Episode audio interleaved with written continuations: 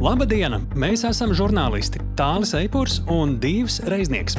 Mūs no sirds interesē, kas notiek Ukrajinā, kā notiekošais tur ietekmē notikumus šeit, kā mēs šeit varam būt noderīgi cilvēkiem tur.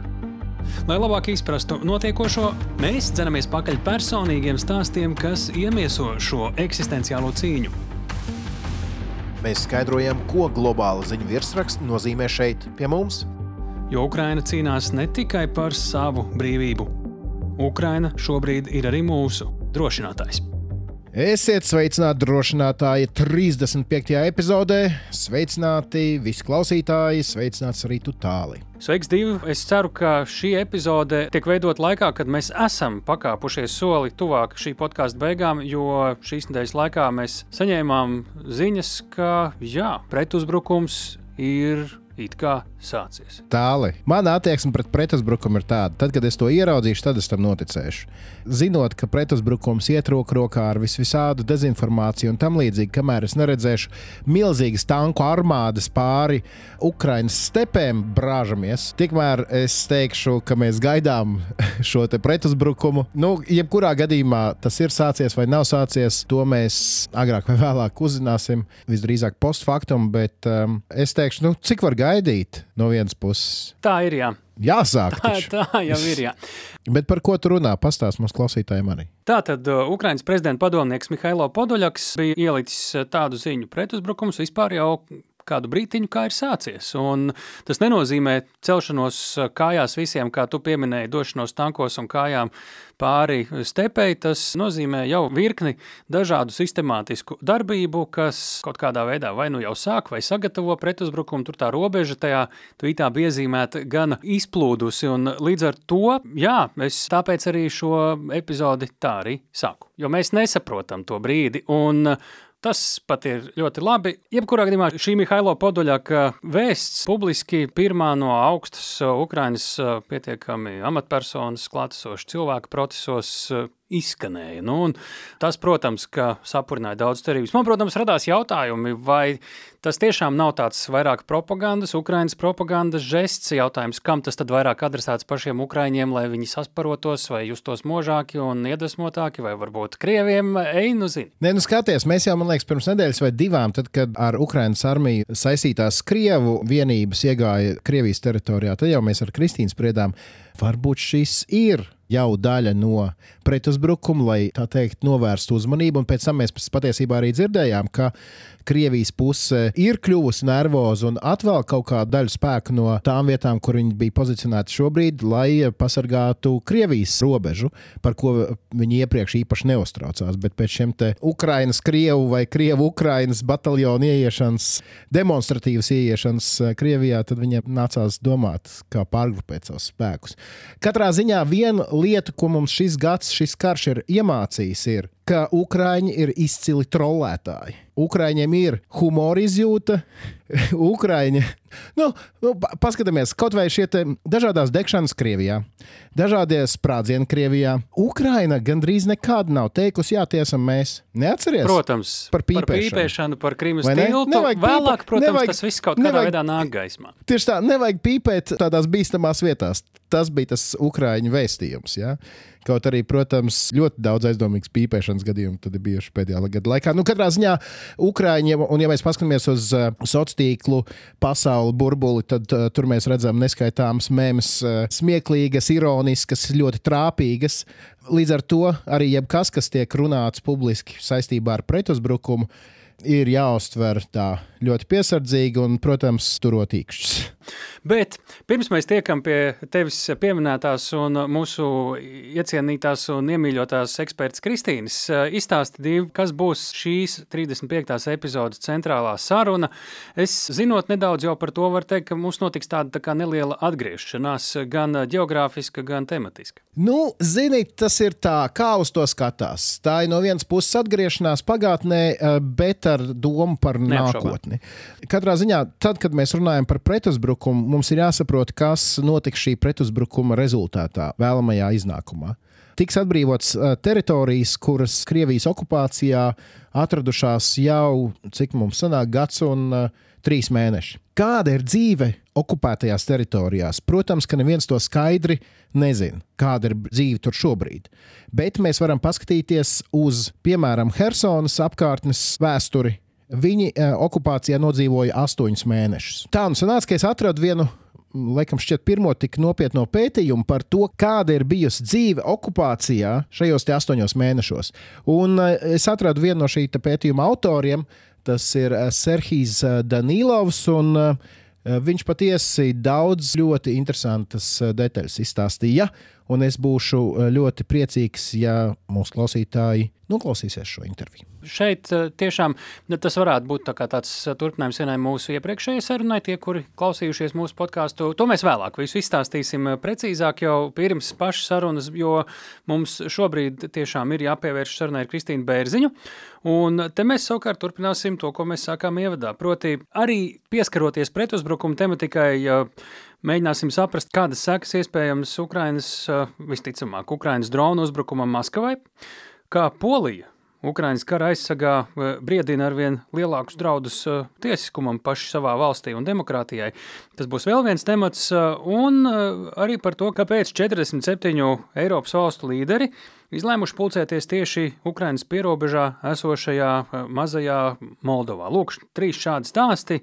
Sarunā ar Māršala fonda pētnieci, drošības politikas ekspertu Kristīnu Bērziņu. Nu, klausāmies! Sveiki, Kristīne! Sveiki, Kristīne! Sveiki, sveiki! Kamēr Ukrainā mājas ir bijis tāds īpašs, diemžēl intensīvs ar lielākoties nesekmīgiem Krievijas raķešu uzlidojumiem, kur diemžēl ir arī cietušie un bojā gājušie, Nu pat plašs nebijis drona uzbrukums nekur citur kā pašā Krievijas galvaspilsētā Maskavā, Piemaskavā. Nav gan ziņu, ka tur kāds būtu būtiski cietis, ir dažādi bojājumi, un pēc viss spriežot, saknes tam ir meklējums Ukrainā, un te rodas ļoti daudz jautājumu. Karš nu jau tad uz palikšanu ir ienācis Krievijā, ko tas liecina par Maskavas pretgaisa aizsardzības spējām, kāds vēstījums šādi no Ukrainas varētu būt aizceļojis līdz Krievijas iedzīvotājiem, līdz līderiem. Vai tas nedos pamatu Krievijai sākt daudz plašāku mobilizāciju, piemēram, arī par to tiek runāts, kā arī vai šis nav kāds tā kā jau pretuzbrukuma visā komplektā esošs manevrs. Kas no šī, vai varbūt vēl kas pavisam cits tev, Kristīna, šķiet tāds pieminēšanas vērtākais pēc ziņām par šādu uzbrukumu? Jā, jautājumu ir ļoti daudz, bet ir svarīgi īpaši tas, ka acīm redzot, karš tagad ir sācies arī Krievijā un ka Krievijas parastiem iedzīvotājiem arī būs jādzīvo ar domu, ka varbūt viņiem nav droši naktī gulēt savos dzīvokļos, Tāpat kā jau Ukrainā tas nav bijis droši kopš pagājušā gada februāra un daudz vietu kopš Krimas iebrukuma. Dzīves realitāte sāk mainīties Krievijā.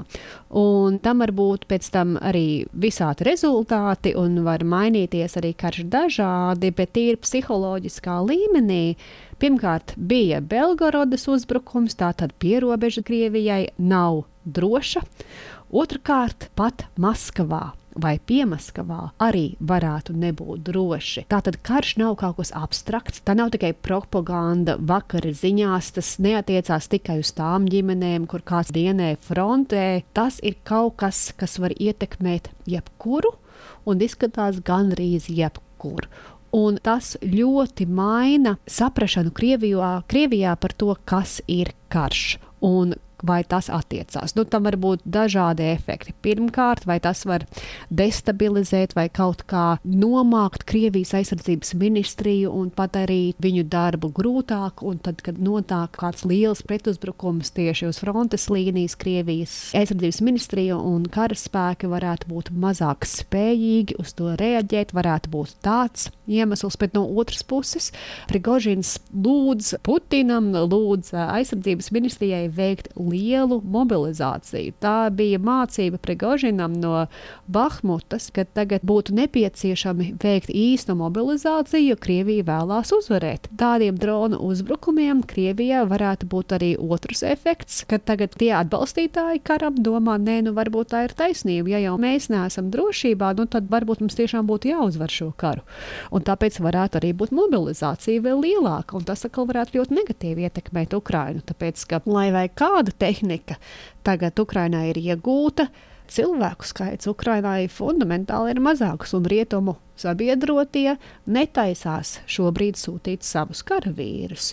Šie drona uzlidojumi varētu no vienas puses palīdzēt Ukrainai radīt tādu nedrošības efektu vai novērst vadības uzmanību un tad lielāku triecienu varētu veikt uz frontes līnijas, bet no otras puses varētu arī būt nezināmi efekti, piemēram, attiecībā uz mobilizāciju vai arī attiecībā uz potenciālām eskalācijām. Tagad skatās, no kurienes ir nākuši droni. Piemēram, tas ir ārkārtīgi svarīgi, tāpēc, ka rietumu partneri ļoti nevēlas, lai viņu tehniku izmantotu uzbrukumos, kas ir Krievijas teritorijā.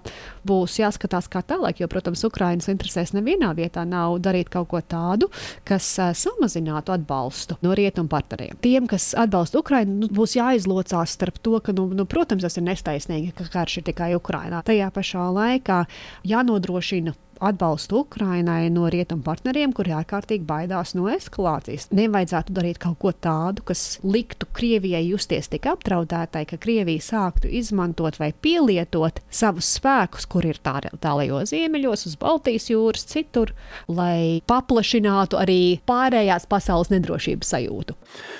Polija par demokrātiju tur aizvien vairāk savelkas tādi tumšāki mākoņi, nolemts veidot tādu tā parlamentu komisiju, kurai tur ir gan prokuratūras, gan drošības dienestu, gan tiesas pilnvaras, gan arī vai, kas ir ļoti tāds saudabīgs veidojums, un tā skaitā iespējas izslēgt no politiskās darbības cilvēkus, tā skaitā opozicionārus līdz pat desmit gadiem.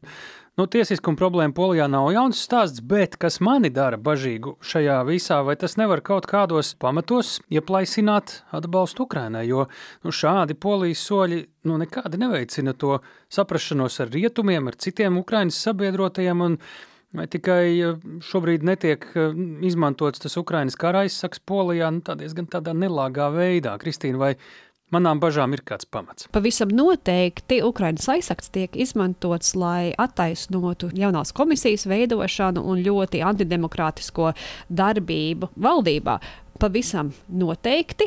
Īpaši ironiski ir tas, ka komisija tiek veidota, lai atklātu Krievijas ietekmi iepriekšējos gados. Tajā pašā laikā nav pēc tiesiskuma principiem veidota, un kur sekas e, īpaši, kas būtu pret opozicionāriem tagad Polijā priekšvēlēšana laikā, varētu būt dramatiskas un pat staļiniskas vai putiniskas. Tas ir pavisam nelāgi jaunums un, un nesakarīgs bet es neteiktu, ka tas varētu īpaši ietekmēt palīdzību Ukrainai vai Polijas ārkārtīgi svarīgo lomu ieroču un citas palīdzības ieviešanai tieši Ukrainā, tāpēc ka Polija ir svarīgākā valsts šobrīd Ukrainas palīdzības veicināšanā. Tur ir tik ļoti milzīgi ieguldījumi un infrastruktūra, kura no visiem sabiedrotiem tagad ir samesta kopā un ielikta tieši Polijā, lai veicinātu palīdzību no visām pusēm. Ukrainai, un lai to tagad, īpaši pirms pretuzbrukuma, lai šajā brīdī to visu tagad pārmestu uz citu valsti, man liekas, ka tas būtu tik ārkārtīgi loģistiski sarežģīti un tas tik ļoti negatīvi ietekmētu Ukraiņas drošību, ka principā tas nenotiks. Būs asi vārdi pret Polijas valdību, bet savā ziņā viņi ir ar savu lielo atbalstu Ukraiņai nopelnījuši kaut kādu imunitāti demokrātijas jautājumos, kur tā nevienā vietā nav pelnījusi. Milzīga mēroga, tiešām milzīga mēroga sanāksme šonadēļ tajā pulcējas 47 Eiropas valstu un valdību vadītāji. Turklāt tas notiek nekur citur, kā mazajā pēdējā laikā visai tādu vētrainu pārmaiņu piemeklētajā un ne tā kā ļoti drošajā Ukraiņas kaimiņu valstī Moldovā. Nu, un to visu sauc par Eiropas politiskās kopienas otro sanāksmi. Kristīna, kāpēc mums, Ukrainas un mūsu reģiona drošības dēļ, būtu jāpievērš uzmanība šai savā ziņā un gandrīz vai bezprecedenta sanāksmē, īpaši šādos apstākļos? Lielākais jautājums savā ziņā Ukraiņas karā ir par to, nu, kādēļ ir Ukraiņas karš. Vai tas attiecās tikai uz Ukraiņu, vai tas ir tāpēc, ka Krievijai tik ļoti vajag konkrētu Ukraiņu apakaļ savā lokā, vai Ukraiņas karš ir tādēļ, ka Krievija gribēja visas iepriekšējās, teiksim, pelēkās zonas, tā Eiropa, kura nav Eiropas Savienībā, Eiropa, kura nav NATO, lai būtu bez jautājumiem Krievijas pusē. Un mums ļoti daudzus gadus bija tāda pelēkā zona. Vēstulēs NATO pirms iebrukuma Krievija pauda neapmierinātību ar NATO paplašināšanos un sevi uztvēra par apdraudētu. Un tā rezultātā Krievijas mērķis ir ievilkt konkrēti Krievijas tajā nu, sfērā, principā impērijā, visas ne Eiropas Savienības, ne NATO valstis. Un ko šī sanāksme? Un šī sanāksme ir Moldovā. Un Moldova ir e, visapdraudētākā Eiropas valsts, kura nav Eiropas Savienībā un kura nav NATO. Un tad beidzot Eiropas valstīm, lielai vadībai ir atbilde. Vai, vai pelēkā zona nozīmē automātiski Krievijas vairāk sfērā, vai ne, vai ir iespējams būt tādā brīvā Eiropā, neesot Eiropas Savienībā un neesot NATO. Un ar šo sanāksmu, ar to, ka ir milzīgs atbalsts arī ar nenormāls finansiālais atbalsts, ir 4% no iekšējā koprodukta pēdējā gadā ir iedotas Moldovai, par, lai palīdzētu stiprināt drošību un enerģijas sektoru ar lielu finansiālu atbalstu, diplomātisko atbalstu un faktisko klātbūtni šonadēļ, Eiropa parāda Moldovai, bet arī Krievijai to, ka pelēkā zona nenozīmē, ka Krievijai ir tiesības uz to valsti. Pelēkā zona var tikpat nozīmēt, e, ka ir tāda brīva Eiropa ārpus Eiropas Savienības un ārpus NATO. Tas rada milzīgu spēka, tādu izpausmi, priekšstatu no Eiropas vadības. Moldovai un parāda to, ka Krievijai būtu ļoti negudri mēģināt kaut ko tādu, kā piemēram Ukraiņas uzbrukumu, kaut kur citur, Moldovā un jebkur citur Eiropā. Jo, ja iepriekš varētu teikt, ka Eiropa gulēja nedaudz attiecībā uz Ukraiņu, attiecībā uz Moldovu, kad nu, tur pārāk sarežģīti izdomāt risinājumu, tagad vairāk tā nav. Neviens vairāk neguļ, un valstis, kuras vēlās būt eiropeiskas, ir Eiropā, un Eiropa tās atbalstīs. Paldies, Kristīne! Ņemam par labu un eh, tiekamies jau pēc nedēļas. Tiekamies pēc nedēļas!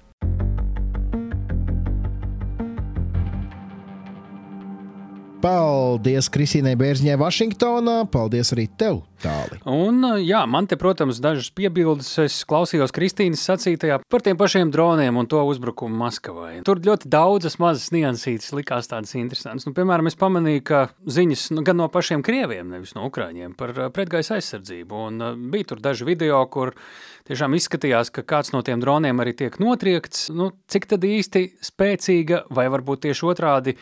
Caurbirstoša ir šī Maskavas pretgaisa aizsardzība. Tur jau agrāk ir bijuši dažādi stāsti ar fotografijām, kur tā ir izvietota, tā skaitā pie Putina dāčām, ja tā var tās saukt. Un interesanti, kā tas viss viņiem tur darbojas. Izskatās, ka neperfekti. Ja reiz Ukraiņu droni simtiem kilometrus lidojot, tiešām var tur kaut kur ņemt un nokrist un trāpīt. Un, nu, man, protams, ka radās arī jautājumi, vai Tas, protams, diezgan nereāli, bet nu, kā tas tiek izmantots pret pašiem ukrāņiem, vai gadījumā Krievi paši kaut kādā veidā šo visu nav sarīkojuši, bet tas bija tikai sākumā. Jā, un, protams, tas rada tādu tramīgu sajūtu, kā tad Krievija uz to reaģēs, kam šis varētu kļūt par atkal kārtējo ieganstu. Nu, negribētos redzēt, ka kaut kāda klusā okeāna flote pēkšņi ierodas Baltijas jūrā vai kaut kur līdzīgā vietā, krietni tuvāk mums. Nu, mēs dzirdējām, Kristīna šajā ziņā bija tā nedaudz piesardzīga. No citas puses, man liekas, nu, Krievijai jau īstenībā jau viņai nekādus iemeslus un iegānsus nevajag. Ja viņi gribēs, viņi izdarīs to arī bez visiem ukrāņu droniem virs Maskavas. Tā kā ja ukrāņi ir izlēmuši, ka viņiem kaut kas tur ir jādara virs Maskavas, tad tā acīm redzot, viņi ir sarēķinājuši par pareizi esam. Ja tie ir ukrāņu ja droni. Ja tie ir ukrāņu droni. Tas tā, filozofijai. Nu ko, tā laiks eh, lielajai intervijai pavisam noteikti, jo es gribētu tomēr sākt ar to atgriešanos pagātnē. Mūsu pati pirmā saruna, pirmā epizode raidierakstā drošinātājs iznāca tad, kad Hersons apgabals vēl bija okupēts Dņepras eh, labajā krastā. Un arī visa Hersona bija okupēta, un mēs tad sazinājāmies ar cilvēku, kuram bija izdevies no turienes izkļūt, un eh, noskaidrojām, kā tur ir Krievu okupācijas laikā, kā darbojas tā skaitā arī partizāni. Šobrīd, Dīvis, saprotu, tu esi par to krietni vairāk izzinājis. Jā, principā no tāda viedokļa skatoties, protams, tas ir mūsu drošinātāja pirmās epizodes turpinājums, jo arī eh, Serhijas Danīlovs, kurš ir eh, pētnieks, eh, runāja par šo paralēlo pasauli, kas attīstās un kas darbojas okupētajās teritorijās, kas darbojas ārpus Krievijas ietekmes un pret Krievu okupantiem. Tātad par ko ir runa? Runa ir par to, ka mm, Ukrāņu pētnieki tūlīt pēc Helsinas atbrīvošanas sāka tur veikt pētniecību, padziļināts intervijas, fokus grupu aptaujas. Proti, eh, viņu mērķis bija uzzināt par dzīvi okupācijā. Es visu nestāstīšu, bet vairākas interesantas detaļas gribu gan pieminēt. Piemēram, kāpēc Krievu pasaule neiedzīvojās tur lai arī Helsona bija starp tām pilsētām, kur eh, pirms kara nebija tāda ļoti, ļoti nosodoša attieksme pret Krieviju. Bet kaut kas nogāja greizi. Kas par to runās Serhijas? Un ne jau Ukrāņiem, bet Krieviem. Jā, protams. Tāpat eh, viena pavisam interesanta eh, lieta kas notiek pēc okupācijas beigām, ir šis te kolaborācijas jautājums, tad sadarbošanās ar okupantiem. Kas ir kolaborācija vispār? Šis jautājums kļūst ļoti aktuāls, kad okupanti tiek padzīti. Jā, pēc likuma varbūt sarunāties to ar viņiem drīksti, tirgoties ar viņiem tu drīksti, bet tādā cilvēciskā līmenī daudziem tas nav pieņemams. Ja tu, tā teikt, sadzer ar okupantu vai ar viņu uzturi kaut cik draudzīgas attiecības. Kā ar šo jautājumu tiek galā Helsonā, par to mēs arī runājām. Atbildes nav vienkāršas. Un pēdējā lieta, ko es gribu pateikt, ir, ka šis pētnieks Serhijas Danilovs, ar kuru jūs līdz dzirdēsiet interviju, teica sekojoši, ka, lai tiktu vaļā no okupācijas sekām, ir jāpiet vismaz divu tik ilgam laikam, kā bijusi pati okupācija. Proti, ja mēs runājam tieši par psiholoģiskiem jautājumiem un, un tam līdzīgām lietām. Mēs gana, gana plašu tēmu loku apskatījām, un ceru, ka arī jums būs interesanti. Nu, atcerieties, ka kā jau visas intervijas, kuras mēs esam ierakstījuši kādā no svešu valodām, tad droši varat šobrīd paskatīties, kuru versiju 35. epizodē jūs klausāties. Ja vēlaties klausīties krievu valodā un virsraksts ir oriģināla valoda, tad jūs esat īstajā vietā. Ja vēlaties klausīties ar latviešu valodas tulkojumu, tad paliciet atpakaļ uz epizodu sarakstu un meklējiet to, kur rakstīts, ka ar tulkojumu. Klausāmies!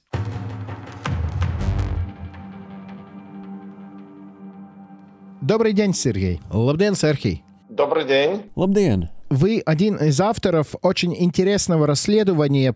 Jūs esat viens no autoriem ļoti interesantam pētījumam par to, kāda bija cilvēku dzīve okupācijā tajās Ukrainas vietās, kas nu jau ir atbrīvotas. Pirmkārt, pastāstiet īsumā, kas šis ir. Pirmkārt, pastāstiet īsumā, kas šis ir par pētījumu un galvenais, ko noskaidrojāt. Главные вещи вы узнали. Ну, практически через неделю после того, как Херсон был освобожден, Gandrīz Мы nedēļu pēc приехали к нашим Helsonas друзьям, atbrīvošanas привезли mēs гуманитарную ieradāmies pie помощь, saviem видели, draugiem, что было atvedām humāno на palīdzību, свободных уже redzējām, kāda землях bija на правом situācija берегу речки atbrīvotajā Днепра teritorijā, Херсонской области. Ņepras С labajā первого krastā дня Helsonas У reģionā. нас э, Un jau no появилась pirmās идея dienas mums про bija то, что ideja par to, ka нужно nekavējoties ar немедленно socioloģiskām metodēm диагностировать jādiagnosticē, социологическими kā ir методами, mainījušies как cilvēki, изменились kā люди, как mainījušās изменились kopienas, pilsētas комьюнити un ciemi atbrīvotajā teritorijā. на освобожденной территории. Ну и в результате мы нашли ресурсы, провели Rezultātā mēs atradām resursus, veicām divas fokus grupu aptaujas un līdz desmit padziļinātu interviju ar tiem iedzīvotājiem, kuri pārdzīvoja okupāciju. Tas viss reizēm bija diezgan emocionāli un grūti. Ar asarām acīs cilvēki atcerējās, ko viņi bija piedzīvojuši, kā viņi izdzīvoja Krievijas okupācijas laikā. после оккупации. Люди говорили, что э, мы не только шепотом говорили, мы даже шепотом думали. Cilvēki teica, ka mēs ne tikai runājām čukstus, mēs pat domājām čukstus, jo okupētajās teritorijās bija diezgan stingrs represīvs režīms. Tajā pašā laikā viņi stāstīja par daudziem neatlaidības spēka, drosmes gadījumiem, kā viņi pārsteidza paši sevi, komunicējot ar okupantiem. Kopumā Krievi negaidīja, ka Helsonas reģionā viņi tiks tik slikti sagaidīti, ka būs tik masveidīga pretestība. Не так плохо встретят, и будет такое массовое сопротивление. Вы говорили, что вы приехали. Jūs teicāt, ka ieradāties Helsonā nedēļu pēc atbrīvošanas. Kas ir šie mēs? Мы — это наша команда Центра ближневосточных исследований, я, мы Tā ir mūsu komanda no Tuvo Austrumu pētījumu centra. Es, mani kolēģi Igors Semivolos, Dmitro Zvonoks. Mēs atvedām humāno palīdzību, un pats galvenais - vēlējāmies satikt savus draugus, kolēģus, partnerus, kuri pārdzīvoja okupāciju, apskaut viņus un pārliecināties, ka viņi ir droši un veseli. Ну что ж, э, давайте поговорим про результаты вашего исследования. Nu, tad pieķersimies jūsu pētījuma rezultātiem. Tajā ir tiešām ļoti daudz interesantu detaļu par pieredzi okupācijā, bet ko no tā visa izcelt jūs pats, ar, ar ko mums ir vērts sākt? Стоит начать. Российская оккупационная политика Krievijas okupācijas politika noveda pie sabiedrības atomizācijas. Tas nozīmē, ka katrs cilvēks ievērojami samazināja savas sociālās saites.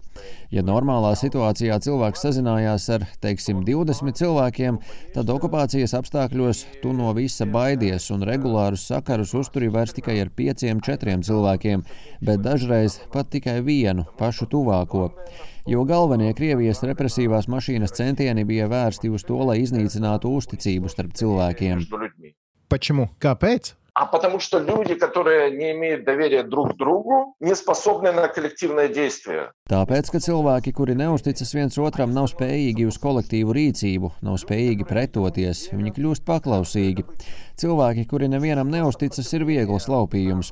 Pretošanās spēks okupētajās teritorijās, jo īpaši Helsonas reģionā, slēpās tajā, ka par spīti Krievu centieniem ļaudis tomēr spēja izveidot savā starpā spēcīgas saites, uzticoties viens otram un tā vai citādi pretojoties okupācijai. Тогда получилось это или нет? Bet tad uh, izdevās vai neizdevās? Jo, piemēram, iepriekš jūs teicāt, ka ja agrāk kontaktēja ar 20, tad tagad vairs tikai ar 5-4 cilvēkiem. Sanāca tad vai nesanāca krieviem šis plāns? Так получилось у россиян их идея или нет? Не получилось. Если бы получилось, Neizdevās. Ja tas izdotos, viņi nebaidītos. Līdz pat pēdējai Helsonas okupācijas dienai viņi turpināja baidīties. Mums ir pierakstīti ļoti daudzi stāsti par to, kā viņi baidījās. Viņi jūta vietējo attieksmi pret sevi. Daudzas represīvas darbības bija saistītas ar to, lai vietējiem nebūtu iespēja nodot koordinātes, kas varētu tikt izmantotas artērijas vai raķešu triecienu koriģēšanā. Kā zināms, viņiem nekas neizdevās. Tāpat mēs zinām, ka sabotāža, nevardarbīga un vardarbīga pretestība notika līdz pat okupācijas pēdējai dienai. Daļa šo aktivitāšu nevarētu būt sekmīga, ja cilvēki nesadarbotos. Tas ir, lai kaut ko paveiktu, vajadzīga cilvēku grupa. Tas pirmkārt. Это раз. Во-вторых, под оккупацией русские получили параллельное государство. Otrakārt, okupācijas laikā Krievi dabūja paralēlu valsti. Ukrainas valsts vai Ukrainas sabiedrība izveidoja paralēlu struktūru, kas darbojās ārpus viņiem un pret viņiem. Tā ir liela brīvprātīgo kustība, kas nodrošināja ne visus, bet daļu cilvēku, lai viņi nedotos saņemt Krievijas pensiju, Krievijas naudu, Krievijas palīdzību, Krievijas humāno palīdzību. Tika izveidoti kanāli, caur kuriem tika pārvestas vai pirktas zāles tiem, kam ir hroniskas slimības, pārtikas produkti, higiēnas preces. Vienā no ciematiem, kur mēs veicām pētījumu, šie paralēlie pagrīdes kanāli nodrošināja līdz 350 cilvēkiem. Patiesībā tas bija tāds kā pagrīdes sociālais dienests, kas palīdzēja šiem cilvēkiem neklanīties okupantu priekšā. Которая помогла этим людям не идти на поклон к оккупантам. Ну, я понимаю, что это одна из этих дилемм, когда территории были освобождены. Es saprotu, ka šī ir viena no tām dilēmām, kad uh, teritorijas tika atbrīvotas, sākās runas par to, ka, nu, ja tu, piemēram, ņēmi kaut ko no krieviem, vai tā būtu humanā palīdzība, vai pensija, vai kas tamlīdzīgs, nu, tad vai tu esi nodevis Ukrainu vai nē, esi. Jo, ja tu neņemtu šo pārtiku, iespējams, tu nomirtu badanāvē bet varbūt kāds cits tieši nomira badanāvē, jo neņēma šo palīdzību. Vai tagad tā ir liela problēma, šādas morālās dilemmas, kad okupanti ir padzīti, bet nu, cilvēki ir palikuši? Когда вот оккупанты прогнаны, а мы остались. Так, это большая проблема, безусловно. Jā, tā nenoliedzami ir liela problēma, un tas ir kaut kas tāds, kas jāturpina pētīt un jāmeklē izeju no šīs situācijas, jo šī tēma vājina vietējo sabiedrību. Тех, кто пережил оккупацию, предателями, либо коллаборантами есть все, кто взаимодействовал с русскими.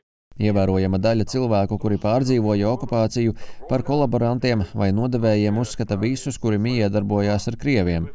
Vai tā būtu bijusi draudzīga saruna, tirgošanās, Krievi, piemēram, zaga no armijas mašīnām degvielu un pārdeva to mūsu pilsoņiem. Mūsējie viņiem savukārt pārdeva pārtikas produktus vai alkoholu. Šādi cilvēki oficiāli nav pārkāpuši kriminālu likumu, taču kopienās daļa cilvēku viņus uzskata par kolaborantiem. Saspīlējuma līmenis šajā jautājumā dažādās vietās var būt atšķirīgs. Tas atkarīgs no tā, cik nežēlīgs konkrētajā vietā bijis okupācijas režīms. Taču principiālu atšķirību nav. Daļa sabiedrības šādu uzvedību nosoda. Cilvēki saka, es vairs negribu ar viņiem dzīvot kopā vienā apdzīvotā punktā. Viņi ir nodevēji, viņi ir kolaboranti. Нету в Украине такой вот понятия. Vai Ukrainā šobrīd nav vienots redzējums, kas ir kolaborācija un kas ir vienkārši izdzīvošana? Vai atbilde šo jautājumu vēl tiek tikai meklēta? Varbūt atbilde nekad netiks atrasta. Я думаю, будет по-разному. Где-то будет найден, где-то не будет. Где-то эта дискуссия будет отравлять местную социальную жизнь. Domāju, būs dažādi. Kaut kur atbilde tiks atrasta, kaut kur nē. Būs vietas, kur šāda diskusija saindēs sociālo dzīvi. Ja ievērojam likumu, tad tam arī jābūt visa pamatā. Likumā šādi soļi nav kriminalizēti. Tas nozīmē, ka cilvēkiem nav jāuzņemas nekāda atbildība. Taču mums ir arī pietiekami daudz pierādījumu tam, ka vecāka gadagājuma cilvēki, pensionāri, paņēma Krievijas pensiju, paņēma visus iespējamos maksājumus no krieviem, lai pēc tam šo naudu pārskaitītu Ukrainas armijai vai fondiem, kas palīdz Ukrainas armijai. Un šādu piemēru ir daudz. И таких примеров много. Потом есть другие свидетельства. Тоже люди пожилого возраста, они говорили, мы брали специально Tad ir vēl citas liecības par vecākiem cilvēkiem, kuri teica, ka mēs ņēmām speciāli, lai Krievi tērētu vairāk resursu, lai tērē naudu, bet mēs to izmantosim kā vēlēsimies. Piemēram, ar šo naudu palīdzēsim partizāniem vai bruņotajiem spēkiem. Tas nav atsevišķs gadījums. Lai arī šādi gadījumi nav masveidīgi, tomēr tas nav viens, divi vai simts, bet gan simtiem, varbūt pat tūkstošiem gadījumu. А сотни, а может быть тысячи. Нету такого, что в освобожденных территориях люди берут. Nav tā, ka atbrīvotajās teritorijās cilvēki nu, teiksim, ņem likumu savās rokās un īsteno tādu taisnīgumu, kādu tu uzskati par pareizu. Jo nav šo skaidro robežu, lai nepārprotami saprastu, esi tu kolaborants vai nē, esi, nu, ja oficiāli likuma pārkāpis, tomēr neesi. Ну, Это война, да? Tāds ir karš, ja? Я оставлю без комментариев. Но... Šo atstāšu bez komentāriem, bet es jums pateikšu ko citu.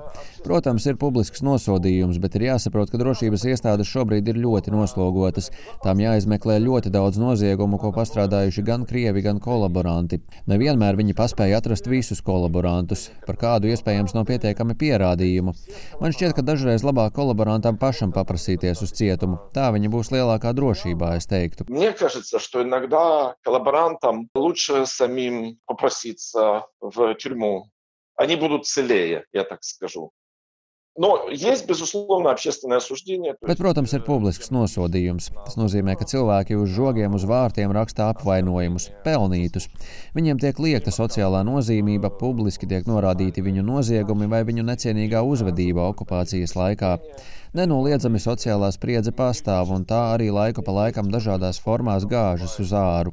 Такие разные способы это показать. Еще одна важная tēma - komunikācija. Vēl viena svarīga tēma ir komunikācija. Es saprotu, ka jūsu pētījumā apstiprinās, ka dzīvojot okupācijas apstākļos, ļoti svarīgi ir zināt, kas notiek ārpusē, kas notiek realitātē. Что происходит на самом деле, да? Да, информация вообще стала жизненно важной. Jā, informācija kopumā ir kļuvusi vitāli svarīga. Informācija ir kļuvusi tikpat svarīga kā ūdens, pārtika un gaiss. Un viņi, protams, mēģināja radīt informācijas vakumu, izkropļot pieejamo informāciju. Krievijas propagandas tēzes bija šādas: Krievija ir spēcīga, pasaules otrā spēcīgākā armija, Ukraina ir vāja, tās armija tiks uzvarēta. Šī Krievijas propagandas vēstījuma mērķis bija sēt šaubas, raisīt vilšanos, ka mēs tik un tā neko nesasniegsim, mēs tik un tā tiksim sakauti. Mērķis bija panākt samierināšanos. Jā, mums nepatīk esošā situācija, taču, nu labi, zaudējām un tālāk dzīvi būvēsim kā zaudētāji.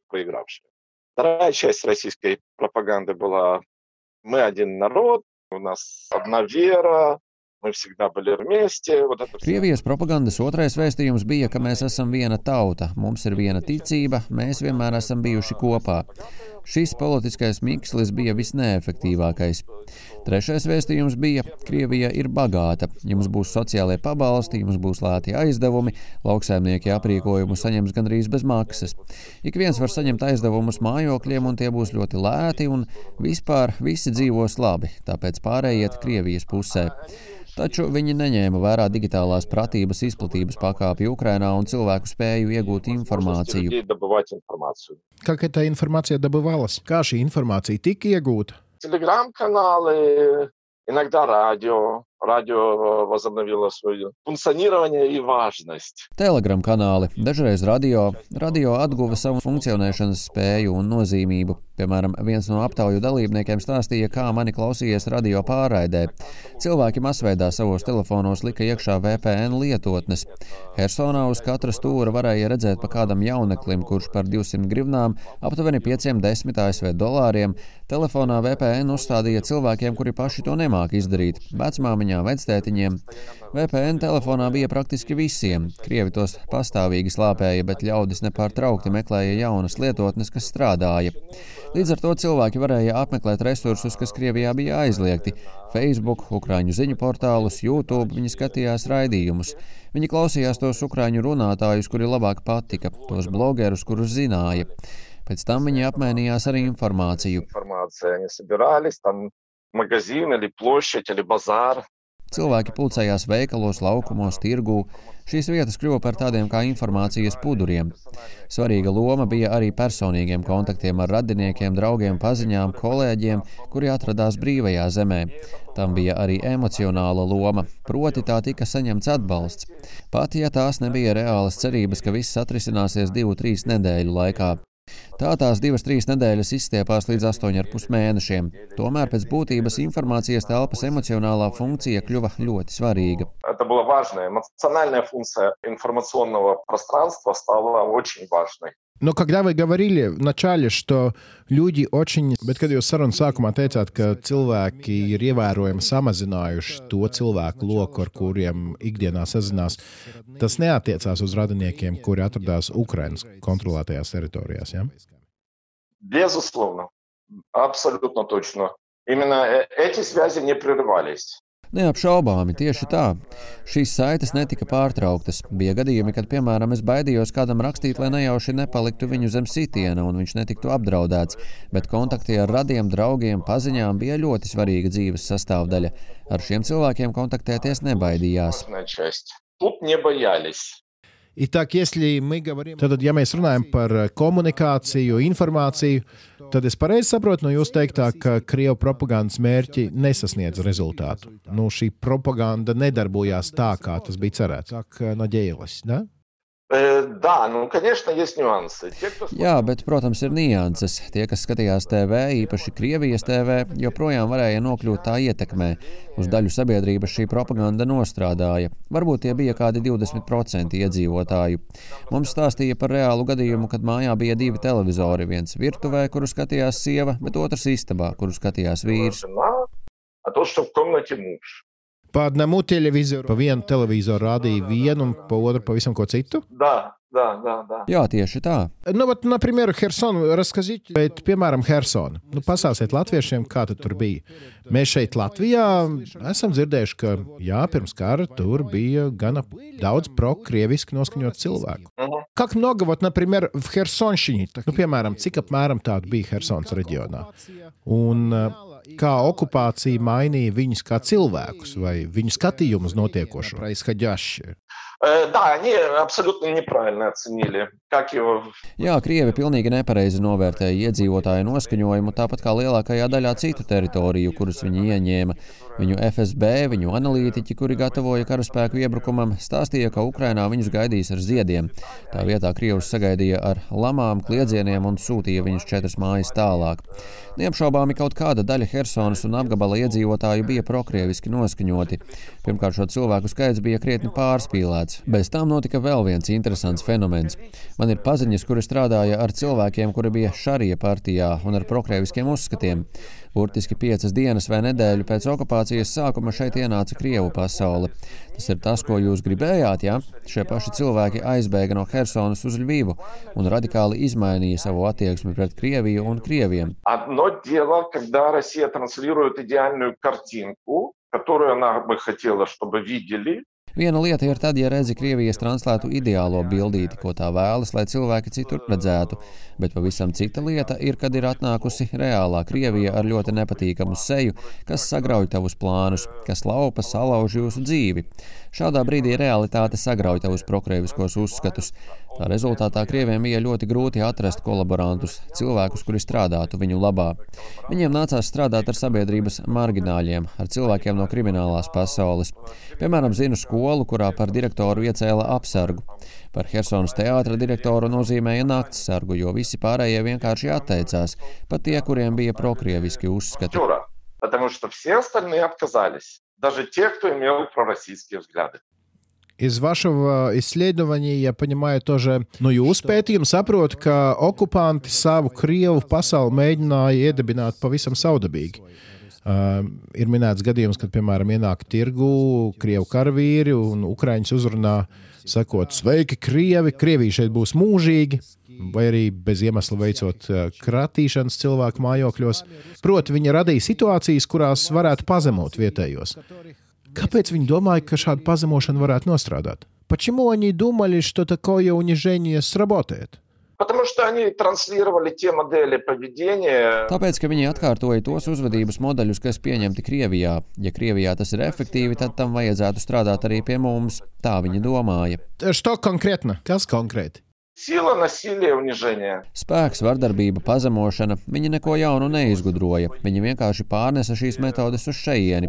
To, ko viņi darīja pie sevis, tāpat rīkojās arī te pie mums, okupētajās teritorijās. У нас на оккупированной территории. Почему это не работало? Un kāpēc šādas metodas neiedarbojās? Не работало, потому что люди сопротивлялись. Kāpēc nedarbojās? Jo cilvēki pretojās. Mums pētījumā tur ir viens interesants piemērs. Ir viena vecmāmiņa, kura katru dienu savā ciematā devās pastaigā pa vienu un to pašu ceļu. Kad kādu dienu Krievi ieņēma kādu ēku viņas ierastajā maršrutā, viņa šai vecmāmiņai pateica, ka te staigāt vairs nedrīkst. Tā dāma uztaisīja pamatīgu skandālu, sakot, es te staigāju, šī ir mana zeme un jūsos neklausīšos. Šī ir pretestība tam, kā Krievi nosaka savu kārtību. Ja tur staigātu Krievijas pilsonis, viņš ar armīniekiem nestrīdētos. Krievi bija šokēti, ka par viņiem smējās. Viņus šokēja fakts, ka vietējie nepārgāja uz krievu valodu. Pētījumā aprakstu vienu gadījumu, kad uz ielas stāv vīrs ar sievu. Pienāk klāt krievi, bet sieviete nepāriet uz krievu valodu. Tas karavīrs stāv un skatās uz viņu. Vīrs karavīram prasa, vai saprati, ko viņa te ukrainiski teica. Karavīrs atbild: nepilnībā. Он говорит, ну не совсем. И вот это вот на каждый миллиметр прав, которые отстаивали наши граждане, привел к тому, что они чувствовали себя э, неуверенно. Lūk, katrs savu tiesību milimetrus, kuru aizstāvēja Ukrāņi, noveda pie tā, ka okupanti jutās nepārliecināti, bet uzvedās viņi tā, kā to pieraduši darīt pie sevis Krievijā.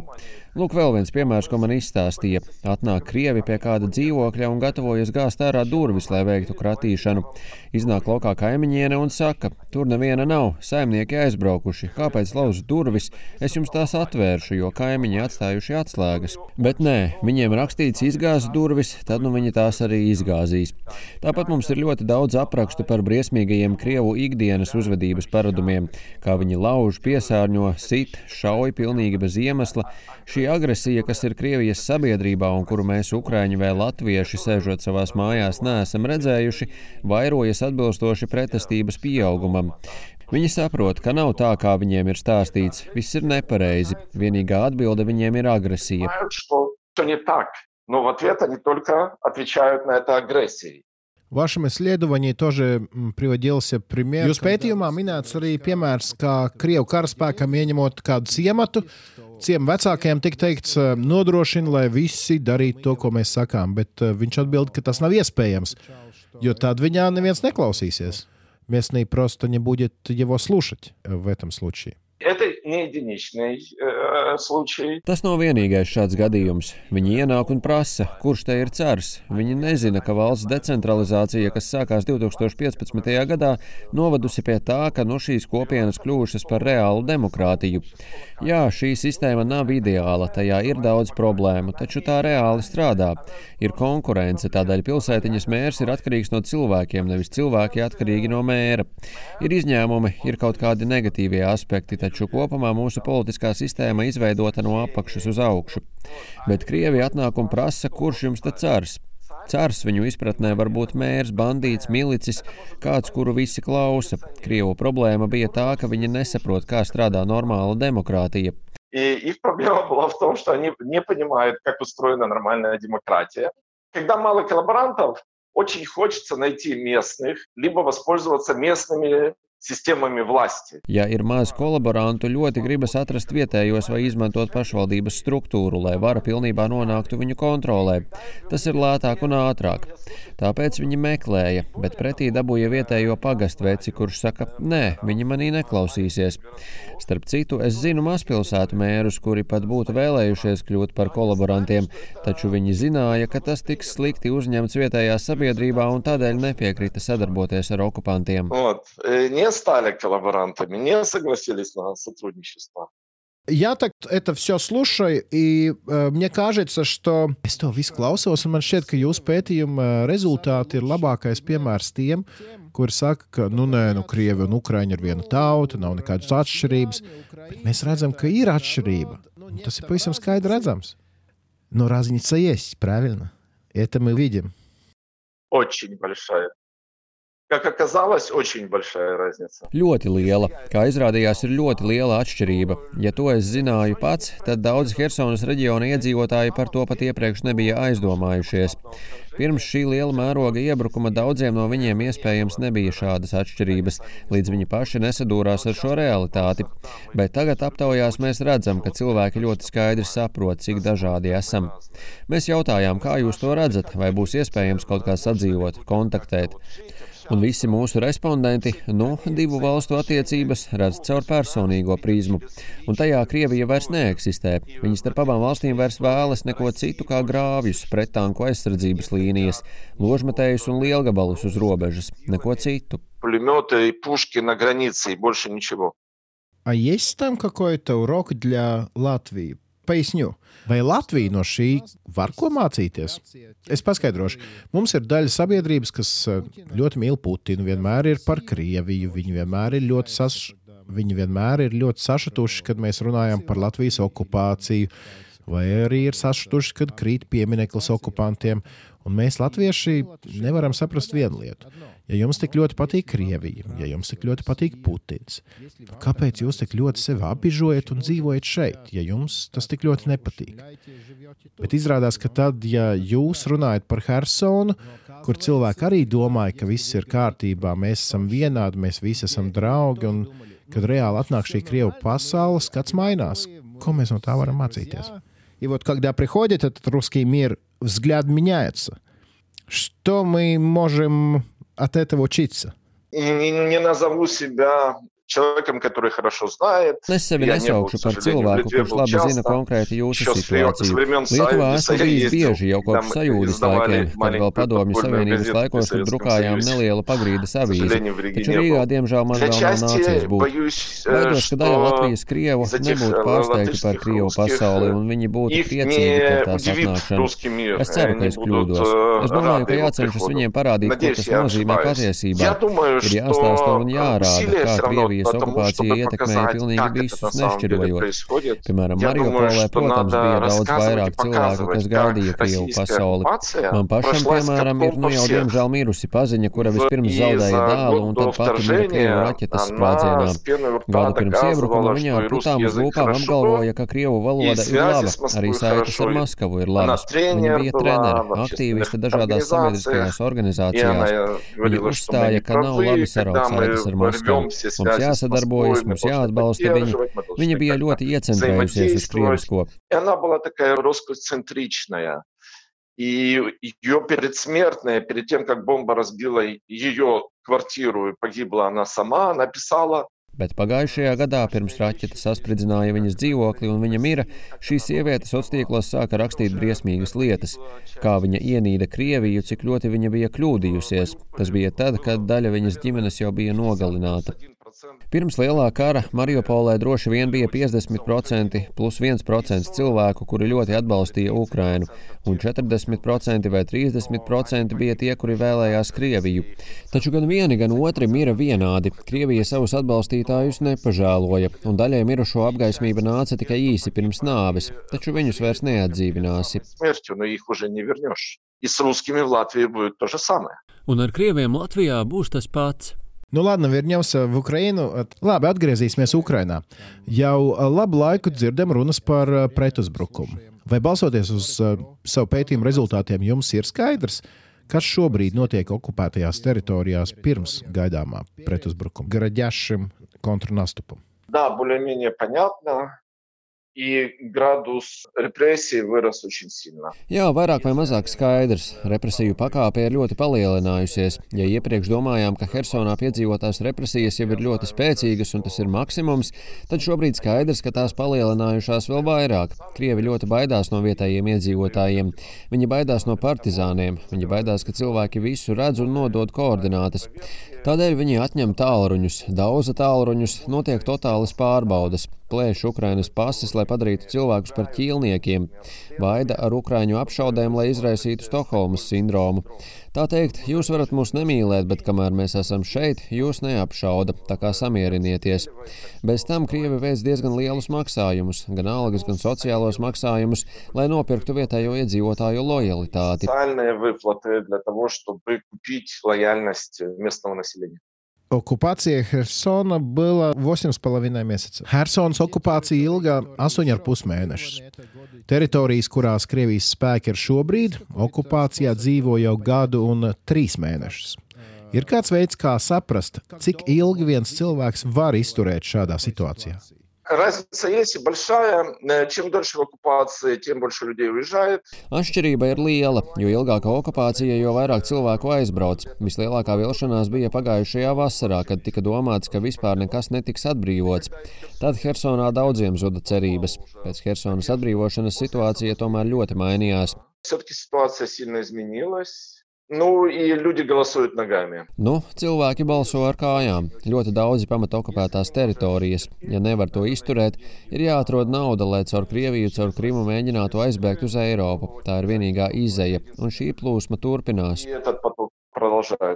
Вот это интересно, потому что uh, в Латвии tas ir interesanti, jo Latvijā zinām organizācijas, kas strādā uz Krievijas-Latvijas robežas.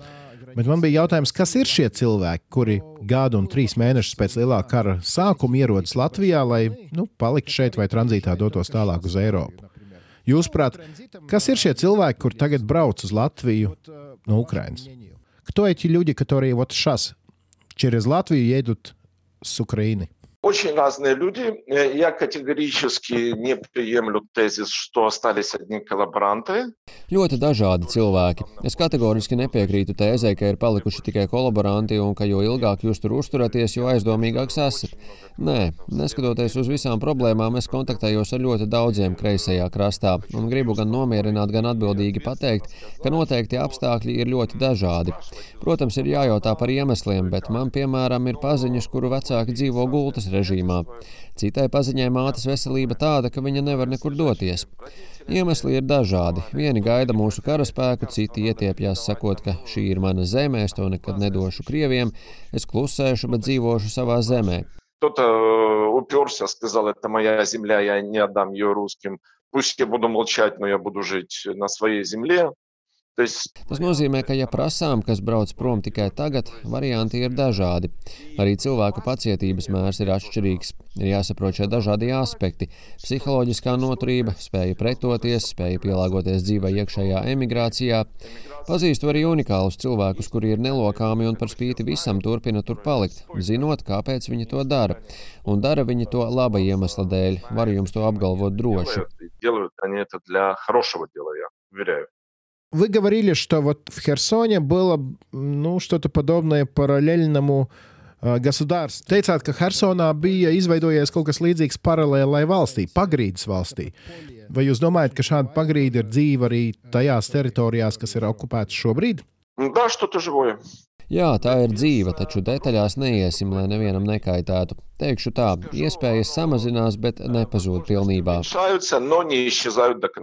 Уменьшаются, но не исчезают до конца. Мы ждем контрнаступ, вы, наверное, ждете, когда mēs gaidām pretuzbrukumu, jūs noteikti gaidāt, kad tas sāksies. Varbūt jau ir sācies, bet mēs vienkārši to vēl nezinām. Tomēr, zinot visu par dzīvi okupācijā astoņu mēnešu garumā Hersonā, kas ir pirmā lieta, kas jums nāk prātā, domājot par um, tagad gaidāmo pretuzbrukumu? Первое, про что вы думаете, когда мы говорим про контрнаступ? Ой, что я р- расплачусь, когда э, он окончится победой. Oi, es raudāšu, kad tas beigsies ar uzvaru. Visu pretuzbrukuma laiku būšu kā uz adatām un gulēšu ļoti maz. Не- Понимаете, оккупация это как очень тяжелая болезнь у человека. Это как- Saprotiet, okupācija ir kā ļoti nopietna slimība, tā ir kā gangrēna, un būs nepieciešams ilgs laiks, lai izārstētu šīs okupācijas sekas. Okupācijas laiku pareiziniet ar divi. Tas ir tas pats minimālākais laika sprīdis, lai kaut kā atgrieztos normalitātē. Чтобы это как-то вернуть.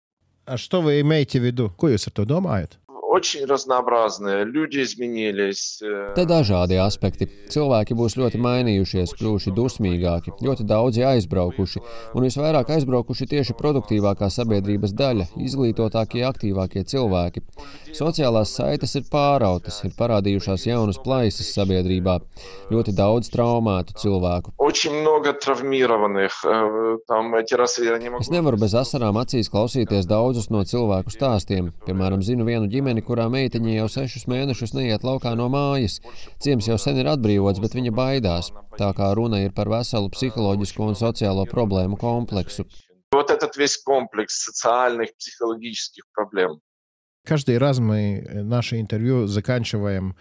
Katru reizi mēs beidzam ā, sarunu ar vienu jautājumu. Ko novēlēt jums personīgi? Protams, bez Ukraiņas uzvaras, ā, kas ir pats par sevi saprotams. Ā, Что еще? Чтобы я Lai es svinētu savu dzimšanas dienu Bakčisarajā. Это где? Kur tas ir? Бахчисарай это в Крыму.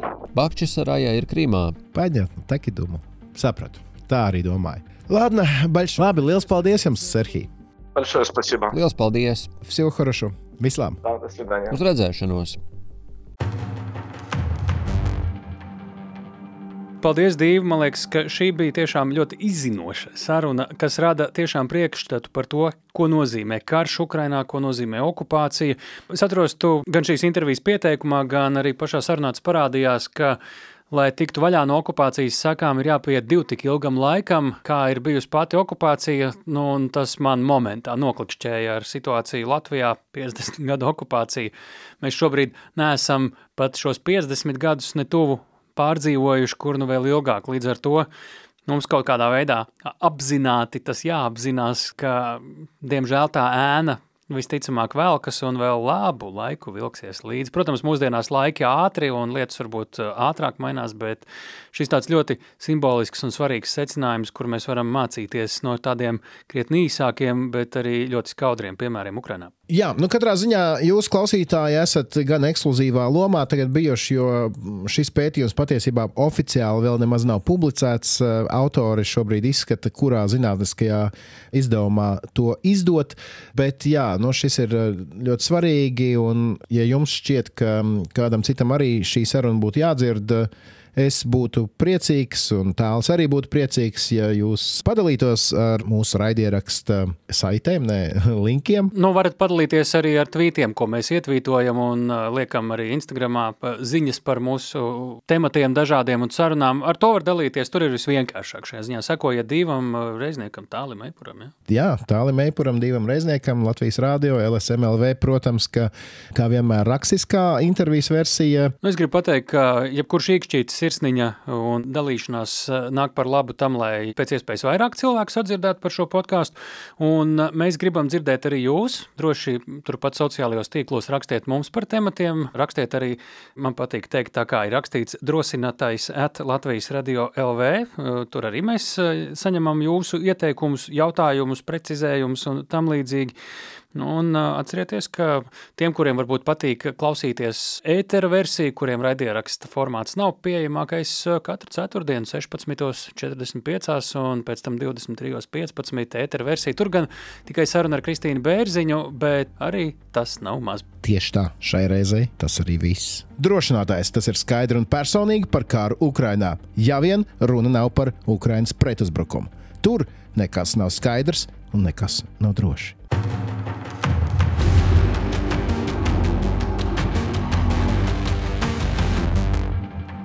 Raidieraksts drošinātājs.